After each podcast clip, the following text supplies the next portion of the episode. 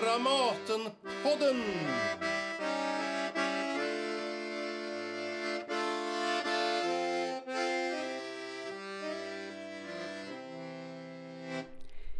Välkomna till Dramatenpodden med mig, Anneli Duva. I det här avsnittet är det författaren Hjalmar Söderberg som står i centrum. Han som föddes för 150 år sedan i år, men vars romaner fortfarande läses och vars pjäser fortfarande spelas. Så sent som för ett par år sedan blev dessutom Den allvarsamma leken filmatiserad igen, då med Pernilla August som regissör. Vad har Hjalmar Söderberg betytt för vår syn på mannen, livet och kärleken? Det pratade vi om på ett fullsatt Rönnells antikvariat i Stockholm där det också ingick läsning ur Gunilla Boetius och Marianne Goldmans pågående pjäsarbete med titeln Hjalmar och hans kvinnor. På plats var de båda dramatikerna men också skådespelarna Erik En och Nina Fex från Dramaten samt Jesper Högström vars biografi över Hjalmar Söderberg, Lusten och ensamheten, fick mycket uppmärksamhet när den gavs ut förra året. Jesper Högström är författare, journalist och kritiker som bland annat givit ut två romaner och skrivit om både fotboll och litteratur. Men varför en biografi över Hjalmar Söderberg? Ja, men jag tror, eh, alltså Söderberg är en författare man läser i först i tonåren tror jag och känner igen sig i de här stämningarna av eh, blandat främlingskap och totalt genomskådande av hela den usla tillvaron. Mm. Och det gjorde jag också. Men alltså, sen eh, det jag tror att jag fastnat mest för är hans språk. Så att jag hade ju någon, någon gång, jag hade väl i huvudet att jag någon gång ville skriva en biografi. Mm. Och när jag då bestämde mig för det så kändes ganska naturligt att det skulle bli Söderberg. Jag visste att det inte hade kommit någon biografi om honom på länge. Och, ja, det, det, var en författare jag visste att jag, att jag hade läst nästan allt av, vilket inte är så vanligt. Nej. Vad lärde du dig under arbetet med biografin? Ja, alltså jag kan inte säga att det var någonting som... Så Söderberg är en sån där människa som man vet vad man har på något sätt. Han sa ju själv att han kände sig att han var färdig redan vid 17 års ålder. Och liksom läser man en bok av Söderberg så vet man också exakt. Han har en väldigt, väldigt tydlig personlighet. Så jag, jag kan inte säga att... Det är alltid så att när man liksom läser in sig på en människa, då dyker det alltid upp saker som eh, sånt där som man som, som eh, biografiförfattare vill hitta. De här liksom överraskande, levande bilderna. Han kunde skriva ganska grova och grabbiga brev till sina, till sina manliga kompisar till exempel, som inte direkt är i linje med den här finstämda personligheten han har i sina, i sina romaner. Eh, en del sådana där saker stötte jag på, men ingenting som direkt eh, Ingenting som överraskade mig eller som liksom stå i strid med någonting. Ja. Utan som sagt, han är ganska mycket en människa, en författare, som, som han liksom vet vad man har. Mm. Så du kommer inte att omvärdera honom? Eller ändå? Ja. Det blir ju så att eh, skriva en biografi om någon, det är som att liksom få den människan i familjen. Alltså ibland blir man förbannat trött på den personen. Så det sker ju en omvärdering hela tiden. Ibland så tycker man, kan man tycka, tycker man väldigt bra om personen och känner sig nära honom. Ibland så står man inte, just Söderberg kunde ju vara vad ska man säga, han kunde ju vara en ganska handlingsförlamad person som med sin eh, handlingsförlamning ställde till en massa för sin omgivning. Så att ibland så kunde jag liksom stiga in i eh, handlingen så att säga och ruska om honom och säga fasen skärp dig. Mm. Liksom. Men det, som sagt, det, det hör till när man liksom lever så nära en människa länge. Mm.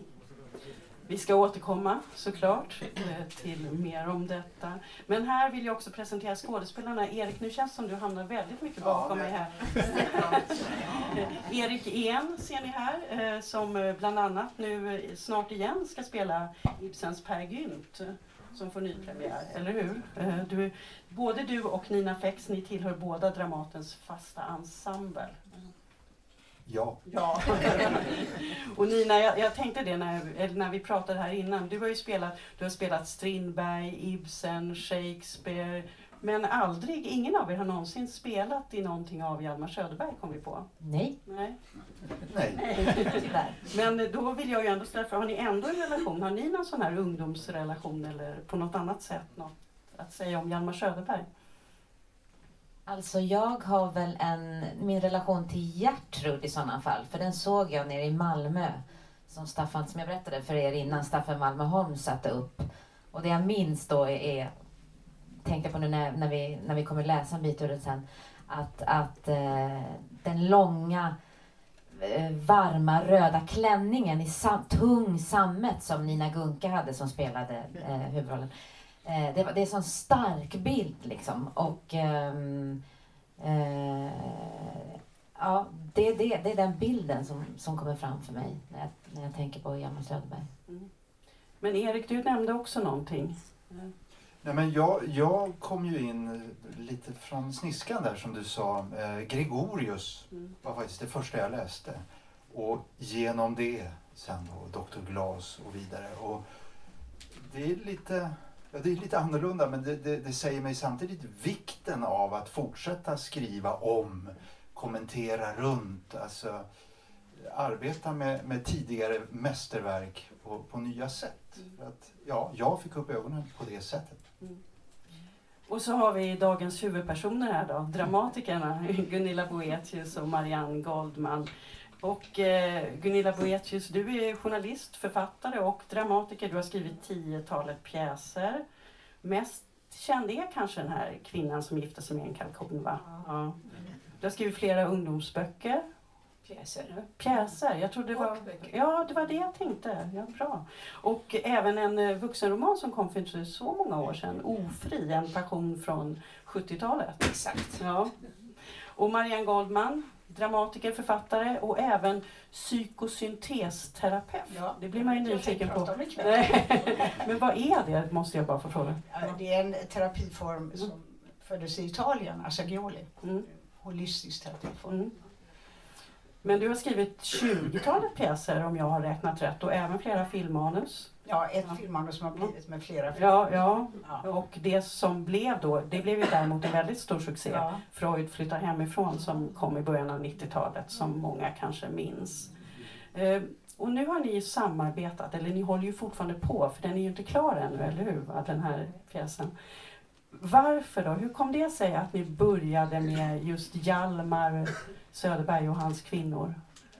Jag kan ju säga att jag har också en lång kärlekshistoria med Hjalmar sedan jag var ung och den har fortsatt genom åren. Eh, Jag har läst och läst om hans böcker. Jag har läst Byrå Holmbergs biografi för ett antal år sedan. Men för fem år sedan så fick jag en chock och det var när jag läste Hjalmar och Märta Söderberg, en äktenskapskatastrof skriven av Johan Kullberg och Björn Salin som gav en sån skakande bild av, av Hjalmar Söderbergs äktenskapshelvete med Märta Söderberg. Och hur deras äktenskap urartade så pass snabbt. Hon, de gifte ju sig och fick ganska snabbt tre barn. Sen fick Märta ganska snart en svår handikappande ledgångsreumatism. Och sen gick allt åt skogen kan man säga. Hjalmar stod inte ut, försvann och eh, Märta i hemmet förföll och till slut hamnade hon alltså på mentalsjukhus utan att vara psykiskt sjuk men för att helt enkelt, vad skulle man göra av henne? Man visste inte, men detta med Hjalmars goda minne. Så jag fick en chock när jag läste den, det var för hemskt. Och så min Hjalmar, min Hjalmar mitt i det där, det var så hemskt. Men samtidigt så såg jag att detta var ju ett oerhört drama. Det fanns en sån dramatik och man vill gå in i det och förstå mer. Så jag blev väldigt inspirerad av detta och eh, pratade med Marianne. Och som grädde på moset så kom då Jesper din biografi om Hjalmar Söderberg som var så himla rik och nyanserad och modern skulle jag vilja säga. Så sen var det liksom, kände vi oss båda, oj det här måste vi göra något på. Mm. Men att ni kom på... Ja, vänta lite, Ja, ja precis. Du vill också säga... Ja, ja. Ja, nej men alltså det, är- först så var, jag tände faktiskt lite speciellt, det var för hemskt. ja. Eh, vi, vi har, jag vill backa bandet lite om det är okej. Ja, Alltså, absolut. Vi har, gjort, vi har skrivit fl- flera pjäser och, om eh, konstnärer och deras, och med fokus på deras relationer. Bland annat har vi skrivit om Selma Lagerlöf och hennes relation till Sofia Elkan och eh, Barbro Olander. Och sen så skrev vi också, eller jag skrev och, och Gunilla var väldigt aktiv dramaturg om Isak Runevall. Och jag vill berätta det därför att det är så som ingången är, att man hittar ett par och jag hade inte, väl inte skryta om att jag hade en relation till Hjalmar Söderblom. Vi läste den här boken och jag kände mig kvävd. Jag kunde absolut inte, jag sa till Gunilla nej. Eh, det var för hemskt. Alltså, eh, det var för, eh, Märta var för mycket offer. Okej, men då kom, så satt jag, det var faktiskt i Botaniska trädgården i Visby, sitter jag och läser din, en artikel, det här är intressant hur kulturjournalistik är viktig. Mm. då läste jag en artikel av det, jag hade inte ens läst boken, mm. om eh, eh, det är när Dora, dottern Dora besöker ma mamman på sjukhuset under midsommar, hon har precis blivit skådespelerska och det är ju helt fruktansvärt. Uh, hur, och vilken empati du hade när du beskrev det här, uh, den scenen och andra scener. Och då var det som en värld öppnade sig tack vare artikeln. Mm. Då läste jag boken och sen eh, eh, eh, så blev också en öppning för mig, nu kommer jag till eh, poängen eh, kanske. Öppningen är eh, Maria von Platen. Mm. Så det via henne då kunde jag se eh, hur det, det liksom blev luft. Kurt Mellarstedts böcker, alltså om Maria von Platen. Och då kunde man se den här treenigheten. Mm. Då tyckte jag att vi hade pjäsen. Ja, så gick det till. Ja, men hur gör ni då? För det är det man också blir nyfiken på. Alltså när ni jobbar tillsammans. Hur går det till rent konkret? Ja, ja eh, ska, ska säga? Ja, börjar du. Eh, ja. Nej, först hade vi, ja, historiskt har varit så att först, först så skrev vi scener och så fick den andra skriva den scenen och så bytte vi scener. Så efter ett tag så insåg jag att det går inte för man blir väldigt irriterad när andra sitter med rödpennan. Det var för stor irritation. Så då började vi dela upp och så bestämde vi att nej, vi ska läsa, vi, ska skri- vi delar upp vilka scener vi känner för och sen får den andra läsa kommentera lite försiktigt. Mm. och inte eh, sitta och ändra och hålla på.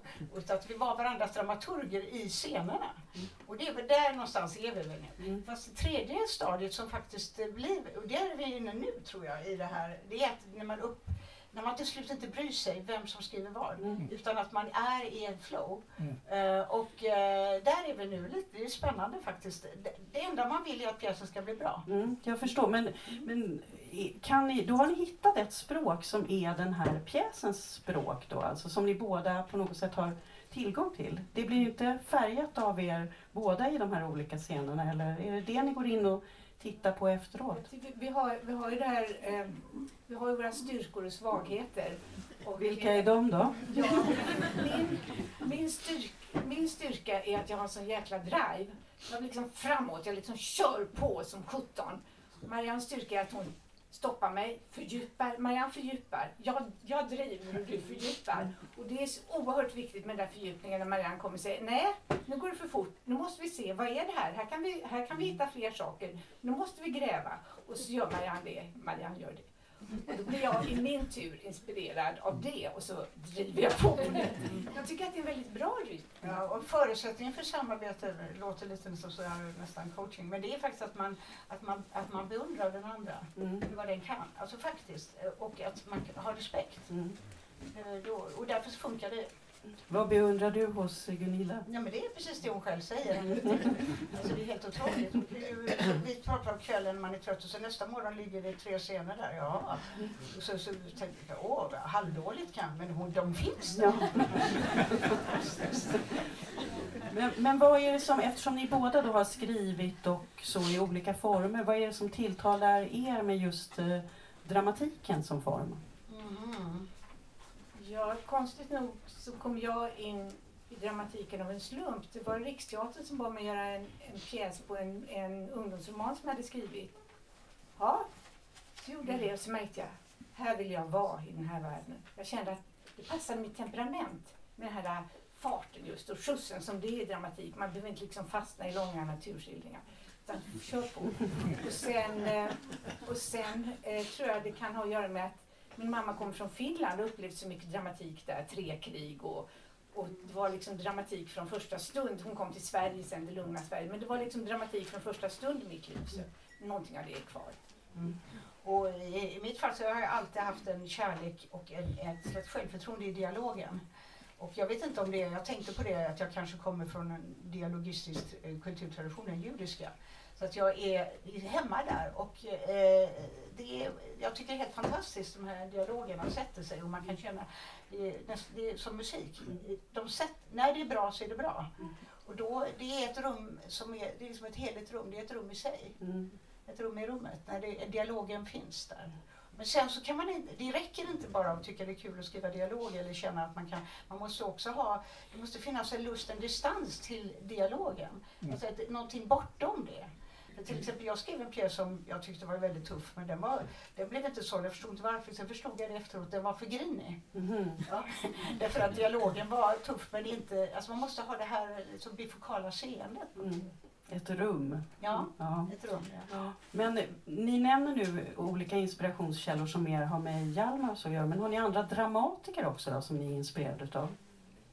Ja, eh, när jag var 16 år gick jag på Dramaten och såg en pjäs som hette Krapps, Krapps sista band av eh, Samuel Beckett.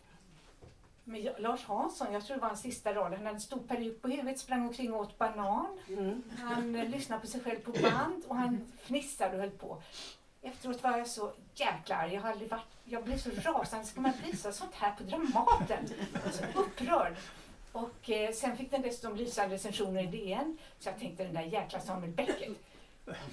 Samtidigt är det ingen, ingen dramatiker som har inspirerat mig så mycket som Beckett. För när jag slutade, när jag slutade vara arg så kände jag bara, på teatern gör man som man vill. Jag fick en sån himla frihetskänsla. Mm. Så Beckett. Ja. Marianne, har du någon? Jag har lust att passa frågan nästan för att jag tycker det blir, eh, ska jag sitta och jaha, ska jag säga den, ska jag säga den? Jag tycker att det är roligt bara för att det inte pratas så mycket om dramatik. Mm. Det är därför jag tycker att det är roligt att också prata om dramatik. Det är därför jag ställer frågan. Mm. Mm. Men du måste inte svara. Nej, jag kan säga så här, det finns flera dramatiker, amerikanska inte minst och, och Tracy Letts och allt möjligt. Men, men ja, Lars Norén var absolut bestämmande. Mm. Därför att eh, hans tidiga pjäser, därför att jag, jag ble, det, det var en sån här blandning av avund och beundran och det här att hans rum, att han vilade så i folkhemmet med den alkoholise- alkoholiserade pappan och mamma som var sjuk. Och, och jag kände, min grupp, ja, alltså ett, att han tog platsen. Mm. Och det var ju fantastiskt. Jag kommer ihåg jag sträckläste hans, eh, det var på en resa, vi hade sömnproblem. Så läste jag alla och så tänkte jag, jag ska också göra det, jag ska också göra det. Men jag ska göra det. Jag tror det här med vreden är, eh, alltså det- är intressant. Mm. Ehm, det, det, det stämmer lite grann att vi båda två, alltså att det, då hittar man in. Vrede lust, vrede lust är jätteviktigt. Mm. Känner ni er redo för att, att vi tar vår lilla läsning här? Ja, Ja. Vi Enbart ska se, eh, vi, vi får flytta om lite här nu då för s- skådespelarna ska få flytta fram och ni ville flytta fram så att ni skulle höra ordentligt. Ja.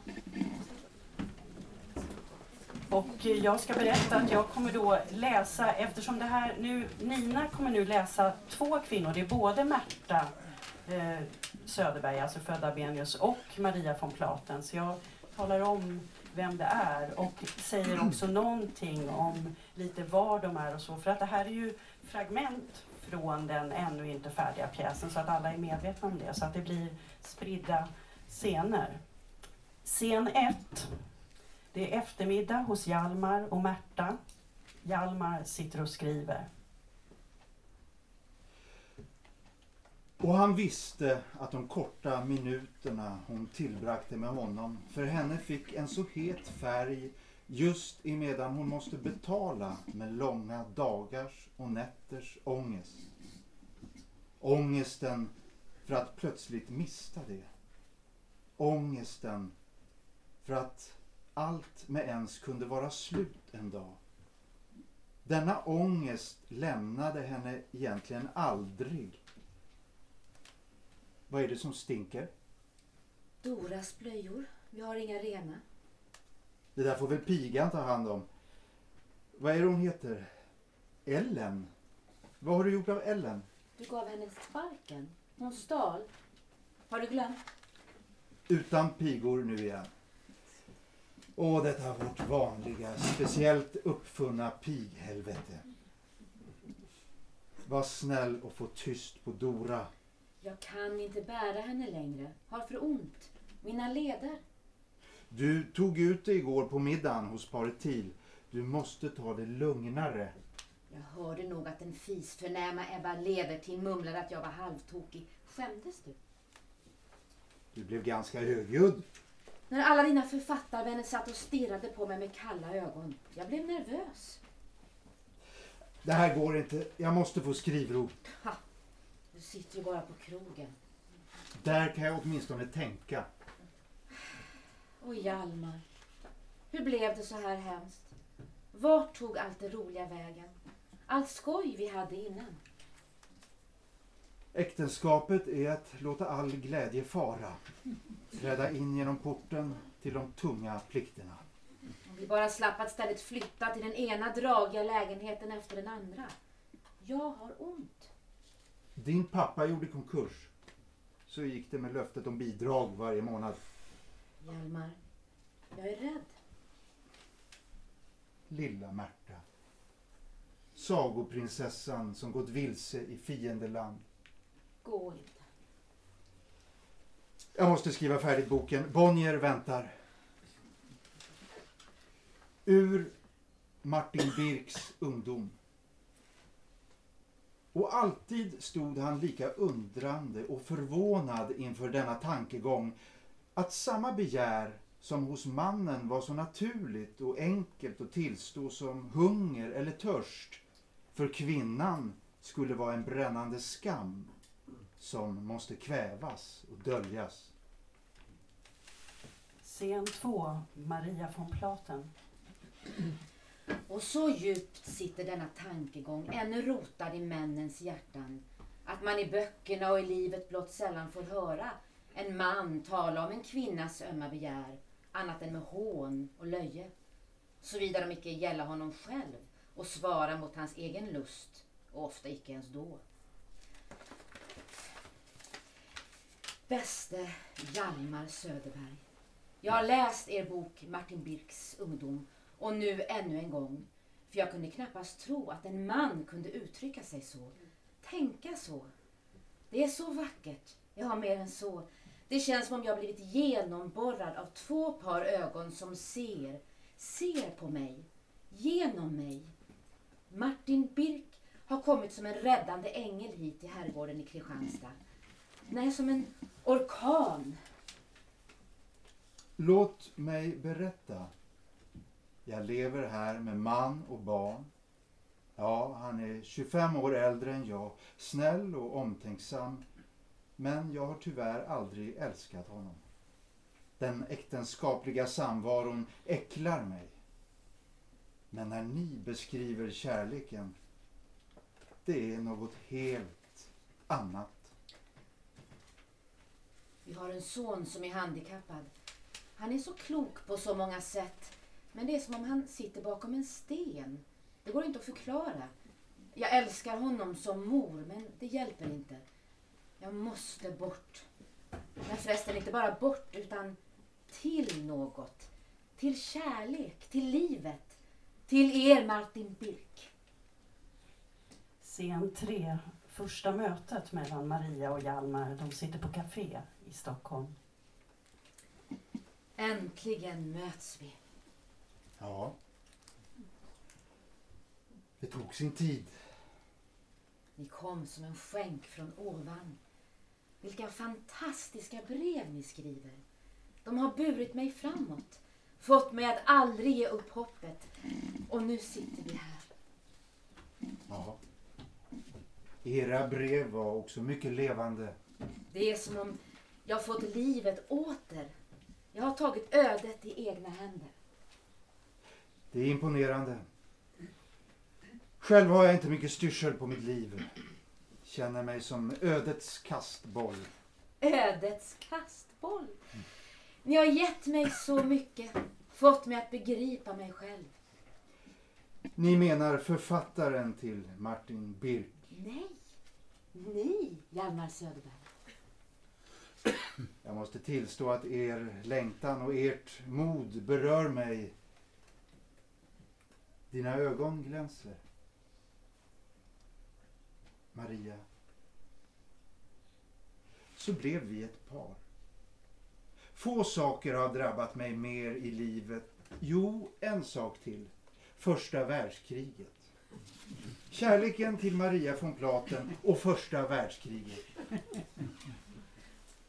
Scen 4, sommar. Hjalmar knackar på hos Maria. Hjalmar, redan? Vi sa ju klockan åtta. Jag vet. Men Märta har hört av sig. Är hon sjuk nu igen? Ja, hon kräver att jag åker till henne och barnen i Gränna stannar sommaren ut. Hela sommaren. Ständigt denna hustru. Maria, hur står det ut med mig? En sak måste du förstå. Det var inte för din skull jag bröt upp från Kristianstad. Jag ville bara någon gång leva. Jag vet ju att du är en gift man, blivande trebarnsfar. Och har jag någonsin bett dig skiljas? Maria, jag reser imorgon. Får jag stanna i natt? Nej, vi tar adjö nu. Scen 5, Maria är ensam. Åh, denna kvävande hetta. Den här sommaren tar aldrig slut. Och från Hjalmar, några ynka brev. Idag fyller du elva. Min lilla gubbe. Henning. Hoppas paketet hinner fram. Och jag minns dina hårda, ilskna kramar. Klart du var arg. Men jag var fånge hos din pappa. Fånge i Kristianstad, fånge i Stockholm. Jag vill ut, gå på Continental och äta middag. Ta ett glas vin, slå mig i slang med folk och ha lite trevligt. Men icke. En kvinna ensam på krogen. Otänkbart. Stormtider. Vilken underbar titel på en roman. Om en ung människa som slits mellan hustrun och älskarinnan. Författare Henning von Melster. Stilig är han också på bilden. Vad står det? Fångar exakt nutidens plågor. Han skulle förstå mig. Tänk om jag skulle skriva till honom. Han har svarat. Och nu, ut ska jag. Ut! Scen 6, Hjalmar är tillbaka. Efter tre månader är jag äntligen tillbaka. Skyndar.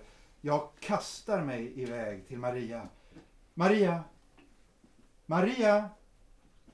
Äntligen. Älskade. Älskade. Så du är tillbaka? Men vad är det? Jag... Eh, jag... Gud, så svårt. Jag har varit med en annan. Vad är det för dumt prat? Med Henning von Melstedt, författaren. En sketen barnrumpa. Nu får du sluta retas. Det var en kort historia. Den är redan över. Över? Talar du allvar? Åh, Hjalmar. Jag var så förtvivlat ensam. Övergiven. Henning von Melstedt. Författaren på modet. Perfekt. Jag behövde någon som höll om mig. Ja, det finns mindre vackra ord för sånt. Men nu är det som det är. Du har bedragit mig med honom och jag har bedragit dig med min hustru. Bara skölja ner och gå vidare. Skölja ner. Men en sak bör du lägga på minnet. När det gäller kvinnor tillämpar man australiennegrernas räknekonst. Fler än tre är många. Australiennegrernas räknekonst. Fler än tre. Va, vad är man då? En slinka? Eller vad antyder du, Hjalmar Söderberg? Du som en gång skrev Martin Birk. Var snäll och gå. Men jag kom ju precis. Är din kärlek död? Min respekt för dig är död. Scen 7, Källargången. Nu vägrar hon ha med mig att göra. Öppnar inte när jag bultar på hennes dörr. Svarar inte på mina brev. Denna höst är det som jag går i en lång slingrande underjordisk källargång. Trängre och trängre till jag sist måste jag krypa. Ingen utväg finns, inte den svagaste strimma ljus. När vi möts på Drottninggatan nickar hon bara stelt. Maria, jag ger mig på nåd och onåd. Ta mig tillbaka. Nu står han där igen, utanför min port. Kväll efter kväll i blåst, regn och snöglopp som en tiggare. Och så börjar det störtregna. Gå, Hjalmar. Gå hem. Nej, Du står kvar dyblöt, fast jag ser ända hit hur du darrar av köld. Kom, Hjalmar. Så tog hon mig till nåder igen. Vi blev på nytt ett par. Men som förr blev det aldrig. Nej, som förr blev det aldrig. Scen 8. Hjalmars flykt till Köpenhamn. Maj 1906. Krasch hemma med Märta. Hon upptäckte mitt och Marias förhållande när Maria skickade ett brev till min hemadress så jäkla oförsiktigt. Det blev ohållbart. Jag flyttade genast ut. Och nu krasch med Maria. Jag hörde skvallret att hon har ihop det med Gustaf Hellström, den där slyngeln och kvinnokarn, mer än ett decennium yngre än hon. Det är inte möjligt. Maria, säg att det är lögn. Jag älskar honom. Har aldrig älskat så. Maria vill inte ha mig längre. Så förnedrande. Men hustru Märta klamrar sig fast. Bombarderar mig med hotelsebrev eller kärleksbrev. Förföljer mig vart jag än går. Ringer i timmar på min dörr. Har blivit en stalker. Nu kommer hon. Hjalmar, pigan har rymt. Inga pengar till hyran. Barnen. Hjalmar, kom hem. Jag måste bort.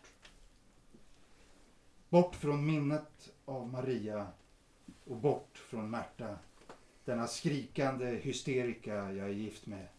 Men lagen, skilsmässolagen tvingar oss samman, binder ihop oss med järnklor. Detta är inte mänskligt. Jag åker till Köpenhamn. Scen 9. Märtas monolog. Hjalmar, Lisen Bonnier har precis varit här. Din förläggares fru. Hon ville se hur jag och barnen har det nu när du är borta. Precis som om du någonsin hjälpte till innan du försvann. Lisa Bonnier blev chockad. Här var en förfärlig röra. Lillpojken sönderbiten av loppor. Alla barnen smutsiga och allt vad det var. Men det skulle hon ta itu med, lovade hon. Jag nästan neg av tacksamhet. Sen sa jag som det var, att du hade rymt. Först till en annan lägenhet och sen till Köpenhamn. Och vill skiljas. Men det kommer jag aldrig att gå med på. Det sa jag. Hör du det Hjalmar? Aldrig. Då sa hon att du var ett geni och måste få skrivro. Jag vet, jag vet. Men snälla fru Bonnier, reumatismen gör mig orörlig. Vad ska jag ta mig till? Genast lovade hon att ordna en hushållerska. Jag blev så tacksam. Hon är allt en ängel, fru Bonnier. Fast sen stirrade hon på mig på ett märkligt sätt. Men vad gör vi av er, fru Söderberg? Av mig? Ni behöver vård. Först blev jag glad. Jag behöver verkligen vård för mina leder. Minst en månad varma bad. För det är väl det hon menar. Ingen vill säga något. Hjalmar, vad är det för vård hon talar om? Scen 10. Hjalmars och Marias sista möte. År 1912. Maria. Så oväntat. Jag måste tala med dig. Din nya bok, Den allvarsamma leken. Hjalmar, hur kunde du? Vad menar du? Denna bok har brutit sig fram ur mitt inre. Jag ville visa kärlekens fruktansvärda makt. Hur den griper in i våra liv, slår sönder allt. Jag har aldrig avslöjat vem du var för någon. Behövdes inte. Alla visste. Ja, redan när Gertrud sattes upp både i Köpenhamn och Stockholm viskades det och jag började gå nedhukad på gatorna. Du ljög. Vi hade ju lovat varandra att aldrig någonsin säga eller skriva ett ord om oss. En författare väljer inte sitt ämne. Vår kärlekshistoria tvingade sig på. Ingenting har berört mig starkare. Den allvarsamma leken kommer att bli en klassiker. Ska eftervärlden gå miste om den? Ska konsten offras av hänsyn till en enskild person? Scen 11, Märta efteråt. Det var jag som blev offret. Jag spärrades in på mentalsjukhus. De ville skydda Hjalmar. Lisen Bonnier i samråd med mina bröder. En hushållerska anställdes som kom att stanna i familjens tjänst i 18 år. Hon ringde till polisen en julafton när jag bara ville hälsa på mina barn. De skrek, jag skrek. Hjalmar la sig i en hel del från sin exil. Han skyddade mig inte det minsta.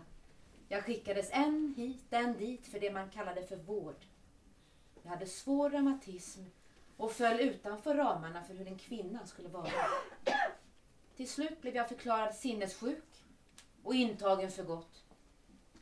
Men jag fortsatte bråka och vara besvärlig hur det än försökte tysta mig. Det är min stolthet. Att jag aldrig gav upp. Du bråkade och ställde till så att ingen stod ut. Pigorna rymde, vännerna försvann. Inte ens vården klarade av dig utan skickade runt dig. Ja, jag svek. Jag orkade inte längre. Det var du eller jag. Scen 12, Från de döda, Maria och Hjalmar. Är det ironi eller tragedi att jag i hela mitt liv ville vara en fri kvinna? Beroende av män blev jag lika fullt. Ekonomiskt och av tidens moral. Jag vill inte tillhöra en man som ett ting som jag sett andra kvinnor göra. Jag behövde frihet och ensamhet. Fri. Hur jag än försökte blev det fel. Vi var alla offer för tidsandan. Det oskarianska samhällets omänskliga skilsmässolagar. Denna förbannade uråldriga giftermålsbalk i 1734 års lag, kapitel 13, paragraf 4, som gjorde mig landsflyktig och lät mig vänta på skilsmässa i 11 år. Den allvarsamma leken, ja, den blev en klassiker. Och jag blev vandringspokalen. Kunde aldrig återvända till Stockholm. Men du har fått evigt liv, Maria. Som Gertrud. Som Lydia. Ja. Eller som den svenska litteraturens mest berömda groupie. Vad kan jag tillägga? Ingenting.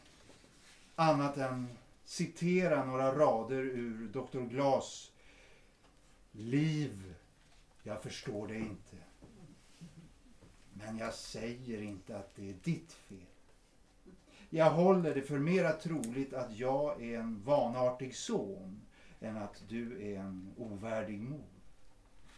Och det har till sist börjat gå upp för mig som en aning. Det är kanske icke meningen att man ska förstå livet. Allt detta raseri, att förklara och förstå, all denna sanningsjakt är kanske en avväg. Första budet, du skall icke förstå för mycket.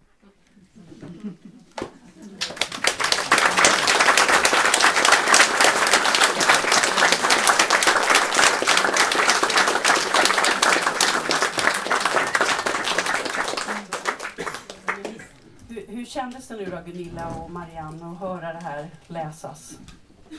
Jag tycker det är väldigt härligt faktiskt. Det blir mera, det blir, texten blir ju mycket mer levande med er då när ni läser den. Du får, du får en annan dimension. Det är härligt att höra. Vad säger du Marianne? Jag njuter. Ja. Jesper, vad säger du då? Känner du igen eh, din Hjalmar när du hör det här? Framförallt känner jag igen eh, det, så, det känns som ni har fascinerats egentligen av samma sak som jag, nämligen det här eh, relationerna kring eh, Hjalmar. Alltså jag, eh, alltså jag, eh, när jag skrev så ville jag egentligen, jag kände mig lite grann som en eh, dramatiker eller romanförfattare. Så tillvida att jag ville till varje pris göra stoffet levande. Sen kunde jag inte hitta på saker och ting. Men det var, det var ju verkligen det, det här som fascinerade mig. Eh spelet och relationerna som Söderberg var inblandad i och hur han sen hanterade det när han skrev. Att det, här också att han, det var ju så uppenbart att han var fascinerad av det som ni också tar upp. Att Maria von Platen blir egentligen kär i författaren Hjalmar Söderberg. Han, han, mm. Som har skrivit om sig själv, eh, om, om alltså han, han har så gestaltat sig själv i Martin Birks ungdom och nu ska han leva upp till den och komplikationerna som då blir följden. Jag är övertygad om att det fascinerar honom väldigt mycket. Och det, det är också en så stor del av honom och hans författarskap. Att den allvarsamma leken handlar om honom och Maria och sen så måste han hantera hur hon reagerar på det och på Gertrud och så. så jag kände, kände verkligen igen mycket av det som jag tyckte var fascinerande. Mm. Vad säger ni, Erik och Nina då, som fick läsa nu, vad säger ni om de här rollgestalterna så här omedelbart? Det som slår en är ju kvinn, kvinnans roll. Eh, å ena sidan eh, det hopplösa i det, men ändå det vackra i att ändå ständigt sträva, liksom. Sträva, sträva, sträva. Eh, men också som sagt var den totala ojämlikheten som är så monumental så att man som, det slår en ju. Men sen också, vi pratade om det eh, när vi träffades för några dagar sedan. Det här med kärleken, hur stor den är under den här tiden i litteraturen. Och idag, alltså jag kan nästan bli avundsjuk på hur de pratar om kärleken som en kraft. Och jag tänker så här, vad, hur, hur, hur var det att uppleva det? Eller var det som vi upplever kärleken, bara att man formulerade sig på ett annat vis? Det, det tänker jag på jättemycket eh, under den här, den här tiden också. Eh, och blir lite avundsjuk. Erik? Ja, men mina eh, associationer gick... Jag, jag läser precis nu Åse Bergs Haggan. Eh, den, den, den rör sig ju i samma frågeställningar i alla fall. Alltså en, en kvinna som är, har ett förhållande med en man som är gift. Han skiljer sig inte. Och, och, och, och, hon hänvisar också i boken till Söderberg och till Dr. Glas och så vidare. Ehm, och, och, den Haggan är ju, den är ju så, det är ett sånt raseri, sån vulkan av ord och ilska. Eh, och, och, och, jag tänker, det verkar ju som det inte har förändrats. Trots att, att vi här i läsningen hänvisar mm. till ett, eh, en lagtext som inte gäller fortfarande. Men, men, men, känslan av att vara den icke valda eller den bredvid eller den som inte får full, full kärlek, full uppmärksamhet. Det känns ju fortfarande väldigt aktuellt. Så har mina associationer gått. Mm.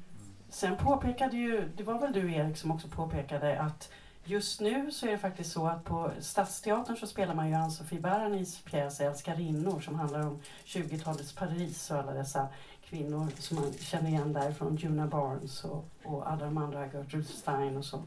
Och sen så håller ju eh, Dramaten och Folkteatern i Gävle gör just nu ett samarbete där man dramatiserar Karin Johannissons bok eh, Den sårade divan som ju handlar om Nelly Sachs och Agnes von Krusenstjerna och eh, Sigrid Hjertén.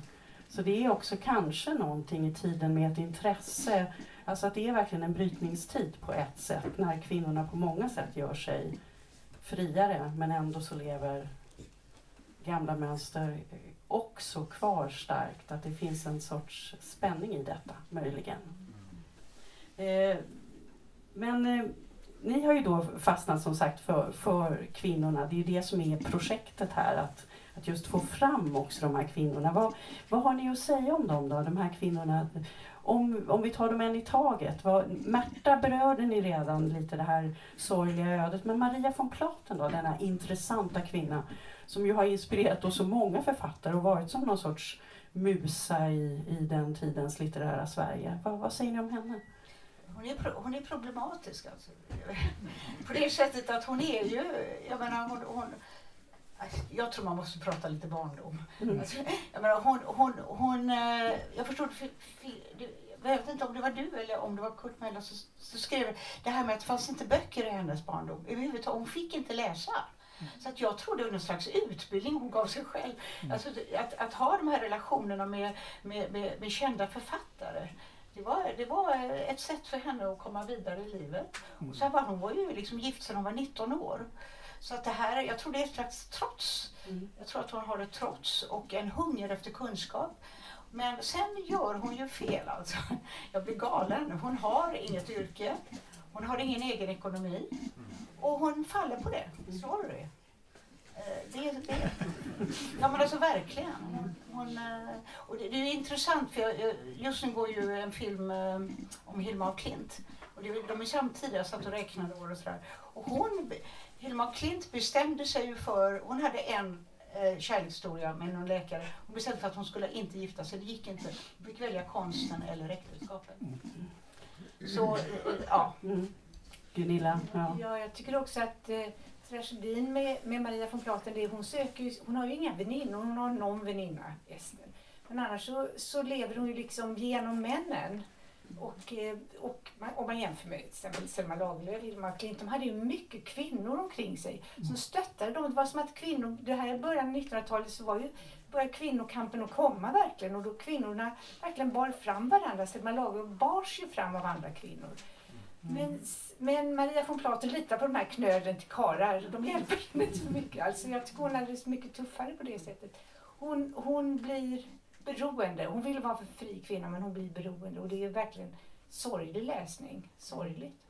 Jesper Högström, har du något att tillägga just om Maria von Platen? Ehm, kanske inte, alltså inte speciellt om Maria, där tycker jag ni nog har sagt. Eh, det viktigaste. Om, alltså om Söderberg och hans eh, kvinnosyn, på, på, på, ett sätt var han ju liksom oerhört förstående för kvinnans villkor. Det var ju, det var ju så Maria von Platen blev intresserad av honom med Martin Birks ungdom.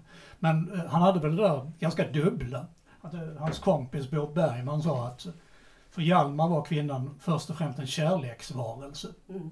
Att han, han, han bejakade ju verkligen kvinnans så att säga, sexuella frigörelse. Delvis för att han själv var ganska blyg, så han tyckte att det var, det var bra om kvinnor blev mer frigjorda och kunde närma sig till exempel honom. ja men det här är för, ja. Ja precis, Och- Nej, men jag hade markerat precis just det här i din... Men ja. prata klart först så kan Och- vi se. Men däremot så var han ju, han var ju till exempel eh, motståndare till kvinnans rö- kvinnlig rösträtt och han driver liksom ganska grovt med eh, rösträttskvinnor i, i eh, eh, Hjärtats oro, essäsamlingen, där han liksom är så extremt gubbig och säger att de är gamla och fula rösträttskvinnor. Så jag tror han hade det här, förmodligen ganska typiskt från den här tiden att eh, han, han tyckte ju om kvinnor och han förstod dem men han, han blev lite rädd ifall de skulle komma och börja bestämma saker och ting. Det, och sen hade han ju också det här som kan, många, han var, ju, han var ju ändå politiskt radikal. Och han ansåg att, han tyckte det var farligt att kvinnor skulle få rösträtt för de var ju, de var ju religiösa och det var inte Söderberg.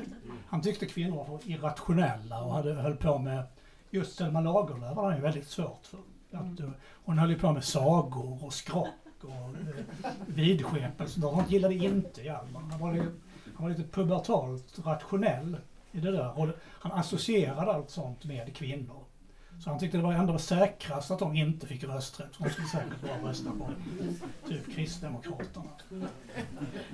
Och det, och det, var, det ska jag säga, det var inte ovanligt bland eh, sådär radikala på den tiden. Men ja, Du sa allt som stod i det där stycket som jag Ja. hade markerat där så jag behöver inte... Eh, just att det också skulle vara otänkbart att Gertrud skulle lägga sig i Gustavs ja politiska affärer eller så, alltså maken.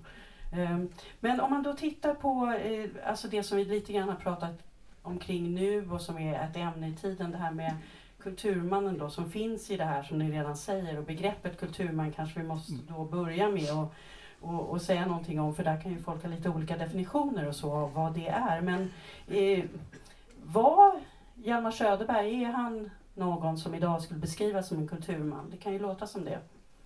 Ja, det får man ju säga. Han, han, han var ju liksom en, en eh, oerhört passiv och ganska, satt ju på krogen och umgicks med sina manliga kollegor och hade romantisk syn på kvinnan och eh, eh, samtidigt när han ställde till det, vilket han ju gör väldigt ofta, så, så kommer det massa kvinnor och, och räddar och ställer, ordnar och styr och ställer runt honom. Så att, så att han, han, har, han har liksom lite det här det manliga geniets upp, uppbackning uppvaktning av andra män också faktiskt. Han hade ju mecenater. Men också av, av kvinnorna runt omkring honom. Lite som Ingmar Bergman skulle jag vilja säga. Två berömda kulturmän. Mm. Har du något att lägga till där Jesper? Tänk... Jag, ska, jag- alltså, jag vet inte kul, eh, vad, riktigt hur man definierar ja, det här men kul- hur definierar du? eh, Ja, han var ju en man och höll på med kultur. så- Ja. Men, men eh, han, han, var ju, han var ju liksom ingen sån där kvinnokar, macho. Nej, absolut inte. liksom, han, på det viset var jag inte som Ingmar Bergman som har 18 fruar och sånt där. Men jag, jag, får, jag får ju för mig att han snarare var ganska blyg och passiv och det mesta som han ställde till med i livet var ju snar, snarast genom sin eh, passivitet och konfliktskräck. Att han liksom inte pallar ta tag i saker och ting. Och liksom, om man jämför med en sån som Strindberg som verkligen behandlade sina fruar brutalt. Så liksom, eh, som liksom misshandlade Si- Siri von Essen och sånt där. Hjalmar Söderberg var med, han rymde ju för att han stod, han stod inte ut med bråken. Men, ja, för, för, men, det, men det handlar ju inte bara om honom, det handlar ju också om vår otroliga respekt för, för geniet. Mm. Det ska man inte glömma. Jag menar Lisen Bonnier, det är helt otroligt. Hon kommer in där och hon ska fixa... Eh, och, och, ja, men hon är ju medhjälpare till att Märta hamnar på mentalsjukhus vad jag förstår i alla fall. Och, och, och hon ska liksom ja, ta hand om så att han kan skriva sina böcker. Ja. Och han har ju ett eget rum där hos familjen Thiel och, och whiskyflaskan står klar. Det är du som har beskrivit det här för mig. Ja. Whiskyflaskan står där och, och han är uppassad för att han är ett geni. Mm. Alltså geniet. Ja. Mm. Och, men det tror jag, alltså den uh, auran, liksom, eh, jag håller precis på en annan biografi om Gunnar Ekelöf och där ser man ju så sent som i den generationen, 40-50-talet, då ser man att alla de här författarna och poeterna, de är ju de är lite stora barn. Alltså de, eh, de super och de härjar och de liksom eh, de beter sig. Det är alltid folk som kan ta hand om dem och sen så är de ändå liksom ska liksom uttala sig om mänskligheten och de är prof, liksom en slags profeter och siare. Alltså det är, den där rollen har funnits. Ja, fast du gillar Hjalmar ändå, eller hur? Ja, jo, men alltså, Men jag, jag tänker på en sak, det här med att du, talar om Hjalmars passivitet. Den, Ja. den var ju nästan plågsam att läsa om i, i din biografi. Ja. Att han är passiv och Strindberg är aktiv. Men vilka kvinnor får det värst? Jag menar, Strindberg, det blir ju ändå hedliga skilsmässor men i, i Hjalmar, Berg, Hjalmar Söderbergs fall så blir det ju de här eh, passiviteten och whiskydrickandet och ingenting händer och andra får Ja. springa dit och Ja, kvinnorna, en hamnar på mentalsjukhus och en blir utskämd i hela Stockholm. Jag tycker faktiskt att de hade det värre. ja, ja, men jag förstår vad du menar. Men det, är också, eh, det som fascinerar mig är också att Söderbergs barn, framförallt, eh, framförallt dottern Dora, de var ju sådär väldigt angelägna att efteråt säga att ingenting var pappas fel. Och pappa var en fin man som, som satt i Köpenhamn.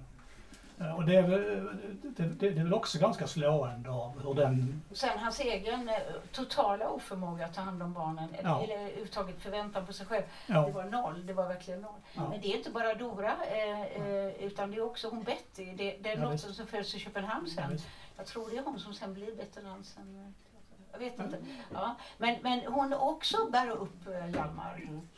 En viss likhet med Ingmar Bergmans barn. tror jag. Mm. Nej men det är väl det, alltså för det läser i alla fall jag in i kulturmansbegreppet så är det just genikulten Mm. är en väldigt, väldigt viktig beståndsdel i detta, Mm. tänker jag. Men det pratade ju vi lite om också apropå teatern. Om ni, vill ni säga någonting om det? För genimännen på teatern har vi ju och eh, kulturmännen. Ja, men jag håller med. I, i det begreppet, är det Åsa Beckmans begrepp? Ja, det är hon som spred det kan man Ja, säga. eh, eh, där, där ligger ju absolut, eh, det ligger hierark, hierarki, det ligger makt, eh, eh, geni, absolut. Och jag tänker att det har väl att göra med också diskussionen person och verk. Där vi börjar ledsna på att man, vi kan inte riktigt, det, det, man får inte bete sig hur som helst. för att göra en, en, ett bra konstverk oavsett om det är skådespeleri eller en bok eller en tavla. Det går inte. Man har, man har ett ansvar. Mm. Man har ett ansvar och, och som man som jobbar med kultur Mm. också, så har jag ett ansvar och jag, jag, jag, är, jag är faktiskt skyldig att förstå de här hierarkierna. Först, förstå hur, hur samhället ser ut och hur, hur, hur mönstren har sett ut. Och jag är skyldig att, att agera på ett vettigt sätt gentemot mina kollegor i sättet att arbeta. Inte bara vad jag åstadkommer utan hur vägen dit ser ut. Mm. Vad säger du Nina, har det ändrat sig på teatern?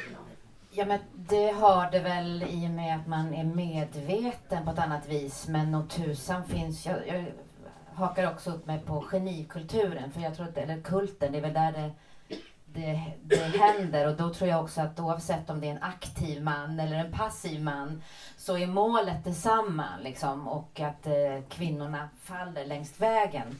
Och jag har ju själv varit med om det väldigt mycket. Och vilket som är intressant nu när jag då har fyllt 50 så är det inte så sedan ett par år tillbaka. Men jag vet ju att det fortfarande är så och att det handlar också om eh, strukturer som inte bara försvinner genom en rörelse. Eh, och vi har alla det i oss och vi är alla inom kulturen också ofta väldigt beroende av varandra. Att vi, kommer man in ny i, i, i det här så, så är man beroende av någon som är lite som står lite högre och ofta har det varit en man. Och då blir det de där. Det ändras ju nu. Eh, men men eh, och vart det tar vägen, det, det vet man inte. Men att vi pratar om det här nu är ju fantastiskt. Mm. Eller bra. Nö, naturligt.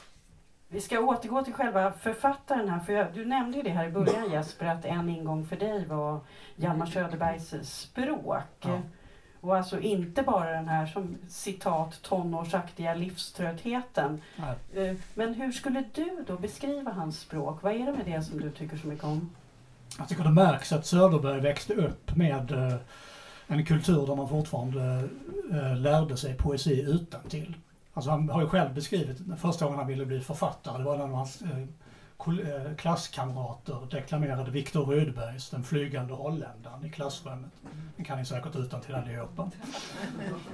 Eh, det, det, det där finns kvar i hans språk, den där eh, liksom melodiösa, rytmiska kvaliteten. Samtidigt är det otroligt modernt, alltså det, nerslipat, alltså snarare som en tonsättare som Debussy skulle jag säga. Att det, det har kvar de melodiösa kvaliteterna samtidigt som det är sådär modernt, effektivt, slipat. eh, Typ som Hemingway. Det är nog så, så jag skulle vilja beskriva det. det var otroligt eh, cicelerat och precis, samtidigt melodiöst.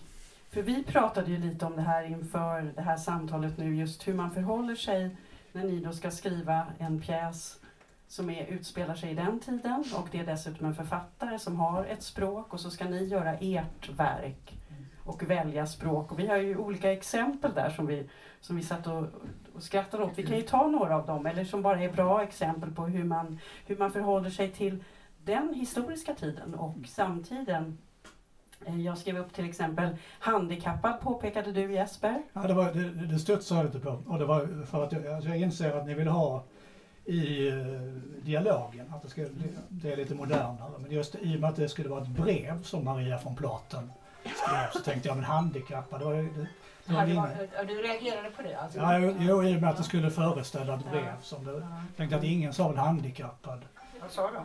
Jag tror de skulle använda något betydligt grymmare och mer nedlåtande som, eh, som liksom efterbliven. Efterbliven. Ja. Ja. Sen så tittade vi på ord som, ni har ju groupie, det är ju medvetet förstår jag, ett modernt ord. Ja, det tyckte ju, alltså jag tycker vi, vi försöker förhålla oss till det, alltså inte ha ett modernt språk utan ha ett mera klassiskt språk när vi skriver. Så jag tycker det är kul ibland att ha en liten signal till nutiden, lite Mm. liksom att, att väcka upp publiken, att groupie. Mm. Ja. För det är ju faktiskt det man kan säga att hon var på sätt och vis. Ja, och stalker. Ja, och stalker, stalker då som en annan grej. Så att eh, små markörer kan man ha tycker jag för att pigga upp eh, publiken. Mm. Och sen hade vi en liten diskussion apropå det här med Australien-neger. Ja, det är ju känsligt idag. Men man kan ju ta australier en man.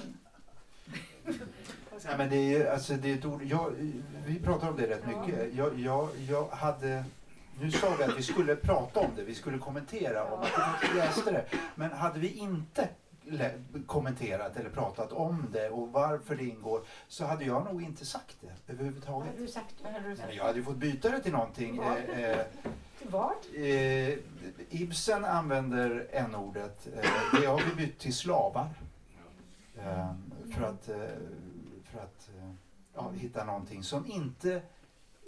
N-ordet är ett sånt ord. Jag Ja. vet, det är, det, är, det är bedrövligt att säga det. Inom, Ja, och det är konstigt att inte säga det om man då går tillbaka till det. Alltså det är en, det är en knepig situation kan man säga. Mm. Men var det något som ni diskuterade mycket, just det ordet? Om vi tar det bara som ett exempel på vad man kan hamna i för situationer när man jobbar med olika tider. Tyvärr, Nej, inte så mycket det faktiskt. tyvärr diskuterar vi inte det alls. Däremot pratar vi om, ja, Ja, nej, vi tog det direkt ur den allvarsamma leken. Mm. ja. det är liksom Hjalmar Söderberg som har skrivit det. Jo, men det var en annan tid. Ja. Men vad så. Ja, nej men vi menar så här, när, den, när ni möts där och hon säger eh, eh, Maria då på kaféet, då höll jag på med det där mycket. Det är ju lätt att man skriver då jag känner mig så, du ser mig och sådär. Det blir ju helt fel i en sån här pjäs. Du ser mig. Jag tror inte ens de hade det medvetandet att Nej. känna sig sedda och allt det där som vi håller på med. Det, det fanns inte en sån förväntansnivå. Nej. Så, så då hittar vi det här med du, din blick genomborrar mig och så här. Så det, det, det är intressant att hålla på med faktiskt. För då är man ju tvungen att se sig själv i perspektiv när man skriver en, en pjäs från den tiden. Om den tiden. mm. Får jag bara fråga en sak? Ja. Du som på. Eh, Skulle du säga att Hjalmar Söderbergs språk var nyskapande då? Ja, Ja. Och det han tror var jag- i sin egen genre när han kom? eh, Eller, eh, han var nyskapande? eh, ja det tycker jag. Att, att, det, och det, om man verkligen jämför med de andra författarna som skriver samtidigt så är de mycket mer, de är mycket mer mångordiga. Alltså Hjalmar Söderberg kan eh, på två meningar eh, skildra en miljö där de andra författarna använder en halv sida. Så det är just, eh, sen var han ju för, eh, framförallt franska författare var, han ju, var ju hans stora förebilder. Maupassant och eh, Anatole France framförallt. Men i Sverige, eh, hans då enormt, eh, den här precisa stilen, den var nyskapande här. Men, men, men jag måste ju säga också att som skådespelare är det ju väldigt det är väldigt inspirerande att arbeta med texter av nu levande författare. Just därför att de här diskussionerna har vi ju alltid. Hur, hur, vad är det här för ord och varför just det här ordet? Och, och så be- behandlar vi det ofta med stor respekt. Det, det, det, här är valt av författaren. Men att kunna då bolla det och få, få, ifrågasätta och få ett svar. Och, Jaha, det är så. Det, det, det är ju en väldig tillgång därför att jag tycker att det är så stort med teatern att det faktiskt det lever ju varje kväll. Alltså, vi, vi skulle kunna läsa det här en gång till nu och ändra saker och låta det leva på ett nytt sätt. Eh, där är ju dramatiken och, och det dramatiska uppförandet. Det, det är ju en fantastisk konstart tycker jag. Att det, Jo, det ska leva nu och igen. Jo, det här är ju, så ni förstår det, det är inte menat som någon kritik. Vi har pratat om det här innan tillsammans, att, att det var intressant att ta upp just sådana här exempel på hur man får just förhålla sig när, när man jobbar med olika tider. Men jag tänker att ni nämnde, någon nämnde ändå det här med, med kärleken som, som tema. Det var du Nina som kom in på det och, och som man ju såklart omedelbart tänker att det, att det är en anledning kanske till att han har behållit sin starka position som författare. Ni ska få säga vad ni tycker om det. Men jag, jag såg att eh, i förordet till utgåvan med de tre pjäser som, alltså Aftonstjärnan, eh, vad, vad sjutton heter nu den tredje? nu? Aftonstjärnan Gertrud och vilken är. Ödestimmen. Ödestimmen, precis. De finns ju i en volym. Och eh, där har Per Westberg skrivit ett förord. Eh, och då har han skrivit kärleken, alltså kärlekens nederlag mot människans grymhet, list och bedrägeri. Kanske är det Hjalmar Söderbergs stora tema. Själen hårdnar eller besudlas, skriver han. Eh, och ni, på ett ställe i er pjäs så sägs det ju, jag ville visa kärlekens fruktansvärda makt hur den griper in i våra liv, slår sönder allt. Eh, har ni något som ni vill säga om detta med, med kärleken hos Hjalmar Söderberg? Ja, jag tycker att han verkligen är en, en författare som skildrar kärlek på ett vad ska man säga idag, nästan romantiskt sätt kan man säga. Och, och ser kraften i kärleken. Ser, ser just vad den kan ställa till i människors liv. Och inte minst i Gertrud. Jag skulle säga att Gertrud är en pjäs om kärlek. Och kärleken som det absolut viktigaste i livet. Vilket inte gör det lättare, alltså, vilket ändå nästan gör det omöjligt. Men att, att ehm, det har jag ju alltid varit eh, jätteförtjust i. Bortsett från språk och allt annat Mm. har jag faktiskt varit liksom eh, betagen av, av Hjalmar Söderbergs starka kärleks... Hur han, starkt han beskriver kärleken. Så det har varit en viktig, viktig Mm. faktor för mig. Jesper eh, som har studerat nära och noga. Alltså det är, alltså jag tycker att Söderberg har ju det där att han, han lyckas ju både i den allvarsamma leken framförallt då. Eh, Det har ju slagit mig att Söderberg har ju liksom i princip två alter egon där. Han har ju då dels den här Arvid Stjernblom som då lever samma kärlekshistoria som han själv hade med Maria från Platen. Men sen så uppträder ju också den här eh, författaren Henrik Rissler som också är väldigt tydligt Söderbergs alter ego som liksom har som, eh, som sägs ha skrivit alla Söderbergs böcker och får gå omkring och citera Söderbergs egna böcker. Och som är liksom, som flyter ovanpå, är raljant och ironisk. Och det som jag tycker är speciellt med Söderberg, och en annan anledning till att jag tror att han lever, att han har båda de här. Att han, vet om, han vet om att han är den här eh, författaren som tittar på saker utifrån och liksom med, med det, här, det, det, det ironiska ögat. Eh, och, och kan liksom vara i ett kärleksförhållande och iaktta det samtidigt. Men samtidigt så är han ju då Arvid Stjernblom som är liksom eh, utlämnad till kärleken och eh, till det här förhållandet och liksom vars liv går sönder och som inte på något sätt kan värja sig. Han har, han har både detta, inlevelsen och eh, förmågan att betrakta. Och det tror jag är, Precis. det tror jag är anledningen till Ja, det. är- och, enorm självironi. Ja, Ja, Det, och det, det verkligen, Mm. verkligen. Sen är han ju en citatmaskin, ja. får man ju lov att säga. Det finns ju faktiskt en hel bok utgiven av Kaj Attorp, den gav ut 2008, som bara har samlat Hjalmar Söderbergs citat. Och det ju, finns ju nästan ingen svensk författare som har så många citat som verkligen är levande, som väldigt många citerar utan att alla kanske ens varje gång vet varifrån de kommer. Och jag, när jag intervjuade Christer Henriksson, eh, som inte kunde vara med här idag, men han han sa då, apropå Dr. Glas, och där finns ju det berömda citatet, ni vet man vill bli älskad, är brist där på beundrad, är brist där på fruktad, är brist där på avskydd och föraktad. Mm. Eh, Men sen sa han att det han verkligen, verkligen fastnade för är det som kommer efter där. Själen ryser för tomrummet och vill kontakt till vilket pris som helst. Mm. Mm. Och, och det, det kan man ju väldigt lätt förstå. Och det var nästan, det var i princip så han nästan beskrev sin egen vilja att bli skådespelare när han var ung. Då, då, då kunde han använda det citatet som ett sätt att beskriva sin egen livsvilja, sin egen livsriktning. Eh, och i Gertrud så finns ju förstås jag tror på köttets lust och själens obotliga ensamhet. Eh, och eh, jag tänkte bara innan vi ska avsluta här med att höra ett litet stycke också ur Gertrud, så någonting då om dramatikern Hjalmar Söderberg. Är, tycker ni att han på något sätt skiljer sig från romanförfattaren? Är det någonting särskilt att säga om, om dramatikern? Jag tycker att Gertrud är ju intressant. Den tillkom ju bara några månader efter att det var slut med Maria von Platen. När han har flytt till Köpenhamn och går omkring där alldeles förtvivlad på gatorna och inte vet vad han ska ta sig till. Och så plötsligt så skriver han Gertrud väldigt, väldigt snabbt på några veckor. Som sen blir en jättesuccé.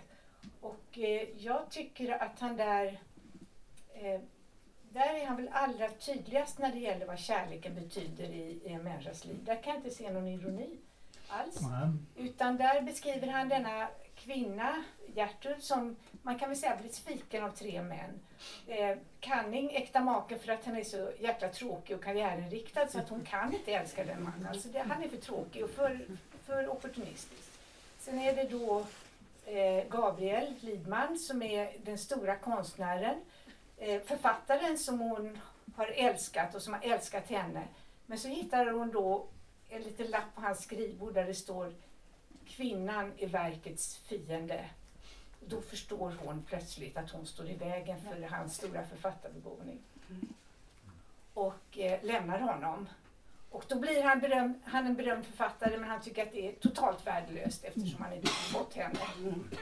Och sen är den tredje mannen som faktiskt är en slashas. Det är ju alltså den här eh, Erland Jansson som är kompositör och en riktig slibbig förförartyp. Det måste vara ett porträtt av Gustav Hellström. Och som uppvaktar henne och håller på och sen ändå så fort han har fått henne i säng så säger han ja det var inte mycket, du är inte mycket värd. Så hon sviks verkligen av tre män och det enda som är det sanna och det viktiga och det starka i den här pjäsen det är ju kärleken då, hennes tro på kärleken. Och det måste ju egentligen vara, jag menar jag tror att Maria von Platen var mer cynisk än så. Jag tror att det är Hjalmar Söderbergs totala tro på kärleken som han skildrar där. Ja, Jag har, jag har faktiskt personligen teorin att det där, det, det där var liksom hans sätt att förklara för sig själv att det hade, att det hade tagit slut med Maria von Platen. Istället för att eh, Istället för att eh, behöva tänka att hon bara har dumpat honom så kan han nu tänka att eh, precis som all annan kärlek har det liksom gått under mot detta liksom otroliga ideal som kärleken är. Så lite tror jag att han skrev det där för att upprätta sig själv eller rationalisera, så att säga bemäktiga sig den här, eh, det här förhållandet som hade kraschat och som han tyckte var så jobbigt. Och göra det, så att säga förklara det för sig själv. Han ger kärleken i alla fall huvudrollen, det kan man Ja. ju säga. Mm. Men nu vet jag inte om, ni, fick ni någonsin svara på det här vad ni tror är anledningen till att han ändå har kvar sin position och läses av generation efter generation. Han är oerhört utlånad också på biblioteken, har jättehöga utlåningssiffror. Faktiskt långt in på 2000-talet i alla fall vet jag att det är så. För det kan ju inte bara vara kärleken. Jag, jag tänkte på nu när, när jag läste om lite raskt flera av hans böcker, bland annat Förvillelse, Mm. som handlar om unga människor. Och, eh, ehm, den ansågs ju som en skandalbok av många för att han skriver så öppet om sexualitet utan, utan några beskrivningar så, men i alla fall han ehm, det, den är så himla sinnlig den boken. Jag blev liksom alldeles matt när jag läste den. Det fanns en sån sinnlighet i den som inte finns i vår tid. Som vi har, ju, som vi har lyckats förstöra. Alltså, tydligen, jag tänkte, pass, är den här sinnligheten en följd av den stränga sexualmoralen som fanns? Att då uppstod något väldigt darrigt och underbart och lockande mellan könen som vi tyvärr har förstört med vår öppenhet. Så plötsligt fick jag så längtan tillbaka till, till den här tiden. Så att det, det, är ju en, det är ju en glädje att läsa det. Man blir ju väldigt glad och lycklig av det. Mm. Marianne, Ja, jag menar, då, ja, alltså, ja, han är så modern. Mm. Och jag vet inte, ja, jo. Men, men eh, han är, det är självironin, det är det moderna, det är Stockholmsskildrare, det, det är, och sen det här att han går in och ut som är väldigt eh, sig själv. Eh, Men Marianne, du är inte så svag för hans kärleks... Jo, men jag, jag, jag tycker om, jag återkommer till det här med självironi och diskuterandet. Jag, jag, Mm. alltså, för mig är Gertrud en pjäs där han diskuterar. Ja, han kanske tror det, han diskuterar Ja, men jag Hur tror, många män gör det? Ja. Ja, men jag tror också, eh, du, du, nämnde ju att alla de här svarsböckerna som har skrivits på Söderberg för Lydia och, och Gregorius och även Mordets praktik av Kerstin Ekman. Alltså jag tror att det finns någonting på Söderberg som lockar en att gå in i historien. Att man vill ju säga, men är det här en rättvis skildring av Lydia? Eller, men, Dr. Gla- men herregud, är Dr. Glas riktigt klok? Hur fan? Alltså, han mördar ju ändå en människa. Alltså, är, det, det kan ju inte vara riktigt. Alltså, det, det- finns alltid någonting hos Söderberg som får en att vilja eh, prata med honom. Och det, och det tror jag liksom ligger bakom de här svarsböckerna. Han väcker den där lusten i en. Som Ja. riktigt stora eh, eh, romaner har. Att de har en, de har en eh, de har en dimension som man aldrig riktigt blir säker på. Vad menar han med detta egentligen? Vad, liksom, vad är det här för historia? Vad, vad vill han säga med den? Det är någonting som alltid innehåller um, ja, någonting extra. Nina och Erik, har ni också något att säga om varför Hjalmar Söderberg överlever genom tiden? Ni, ni måste inte. Nej. Nej, men jag tänker det här eh, som jag hörde att, att, att du läste honom som väldigt ung. Jag Ja. tänker det finns ju en nyckel i det. Alltså det finns en tid i livet när, när saker och ting drabbar en. Ja. Även i konst och litteratur.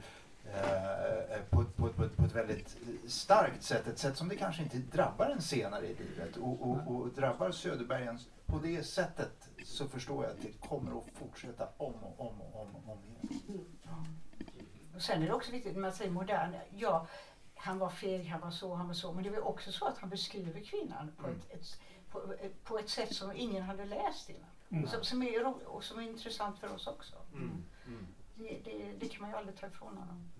Men jag tänker nog språket då, för det är det, det är ju som, som skådespelare är man ju också fascinerad av språket då, och det, det tycker jag att han är ja, Det är som du säger att han liksom är, att det inte är så mångordigt men ändå precis och ändå romantiskt och ändå Mm. filosofiskt allting. Det, det är härligt alltså. Då överlever det tror jag. Och du, vi ska få höra exempel på det nu alltså. Eh, Nina Fex och Erik En, varsågoda. Ett stycke ur Gertrud, Gabriel Lidman och Gertrud. Mm. Det man har vunnit är ingenting. Det man har förlorat. Så är det alltid. Alltid. Man måste välja.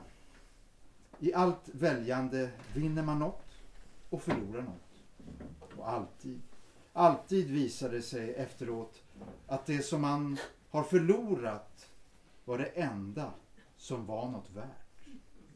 Alltid. Alltid. Och de dagarna då vissheten om detta gick upp för mig. I de dagarna blev mitt hjärta gammalt.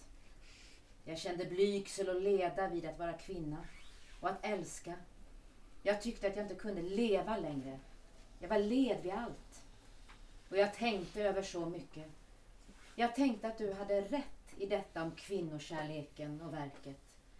Jag såg omkring mig och fann hur rätt du hade. Jag såg hur alla män som stiger högt, alla de som blir storheter och miljonärer och ministrar, för de allesammans är sådana män som inte vet vad kärlek är och inte bryr sig om att veta det.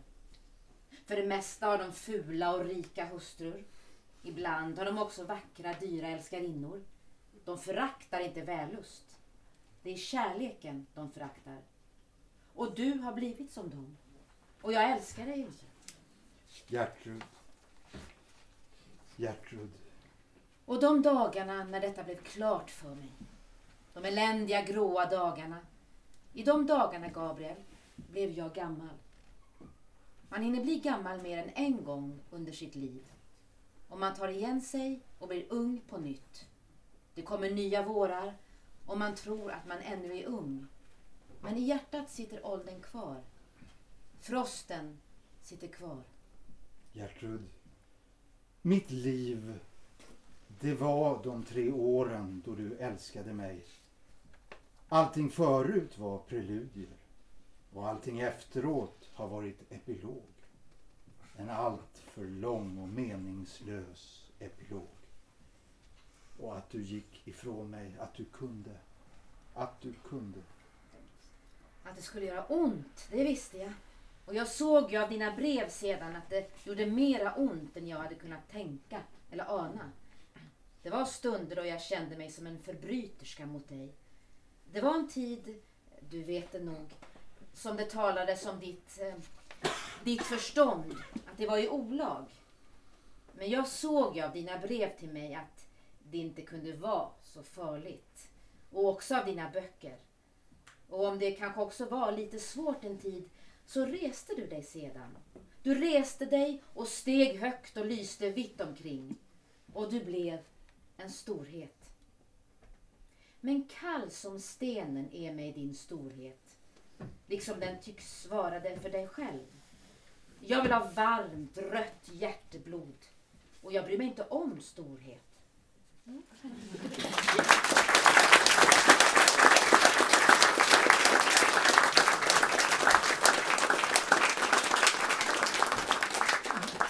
eh, tack Erik En, tack Nina Fex, tack Jesper Högström. Och tack jättemycket Marianne Goldman och Nina Röth.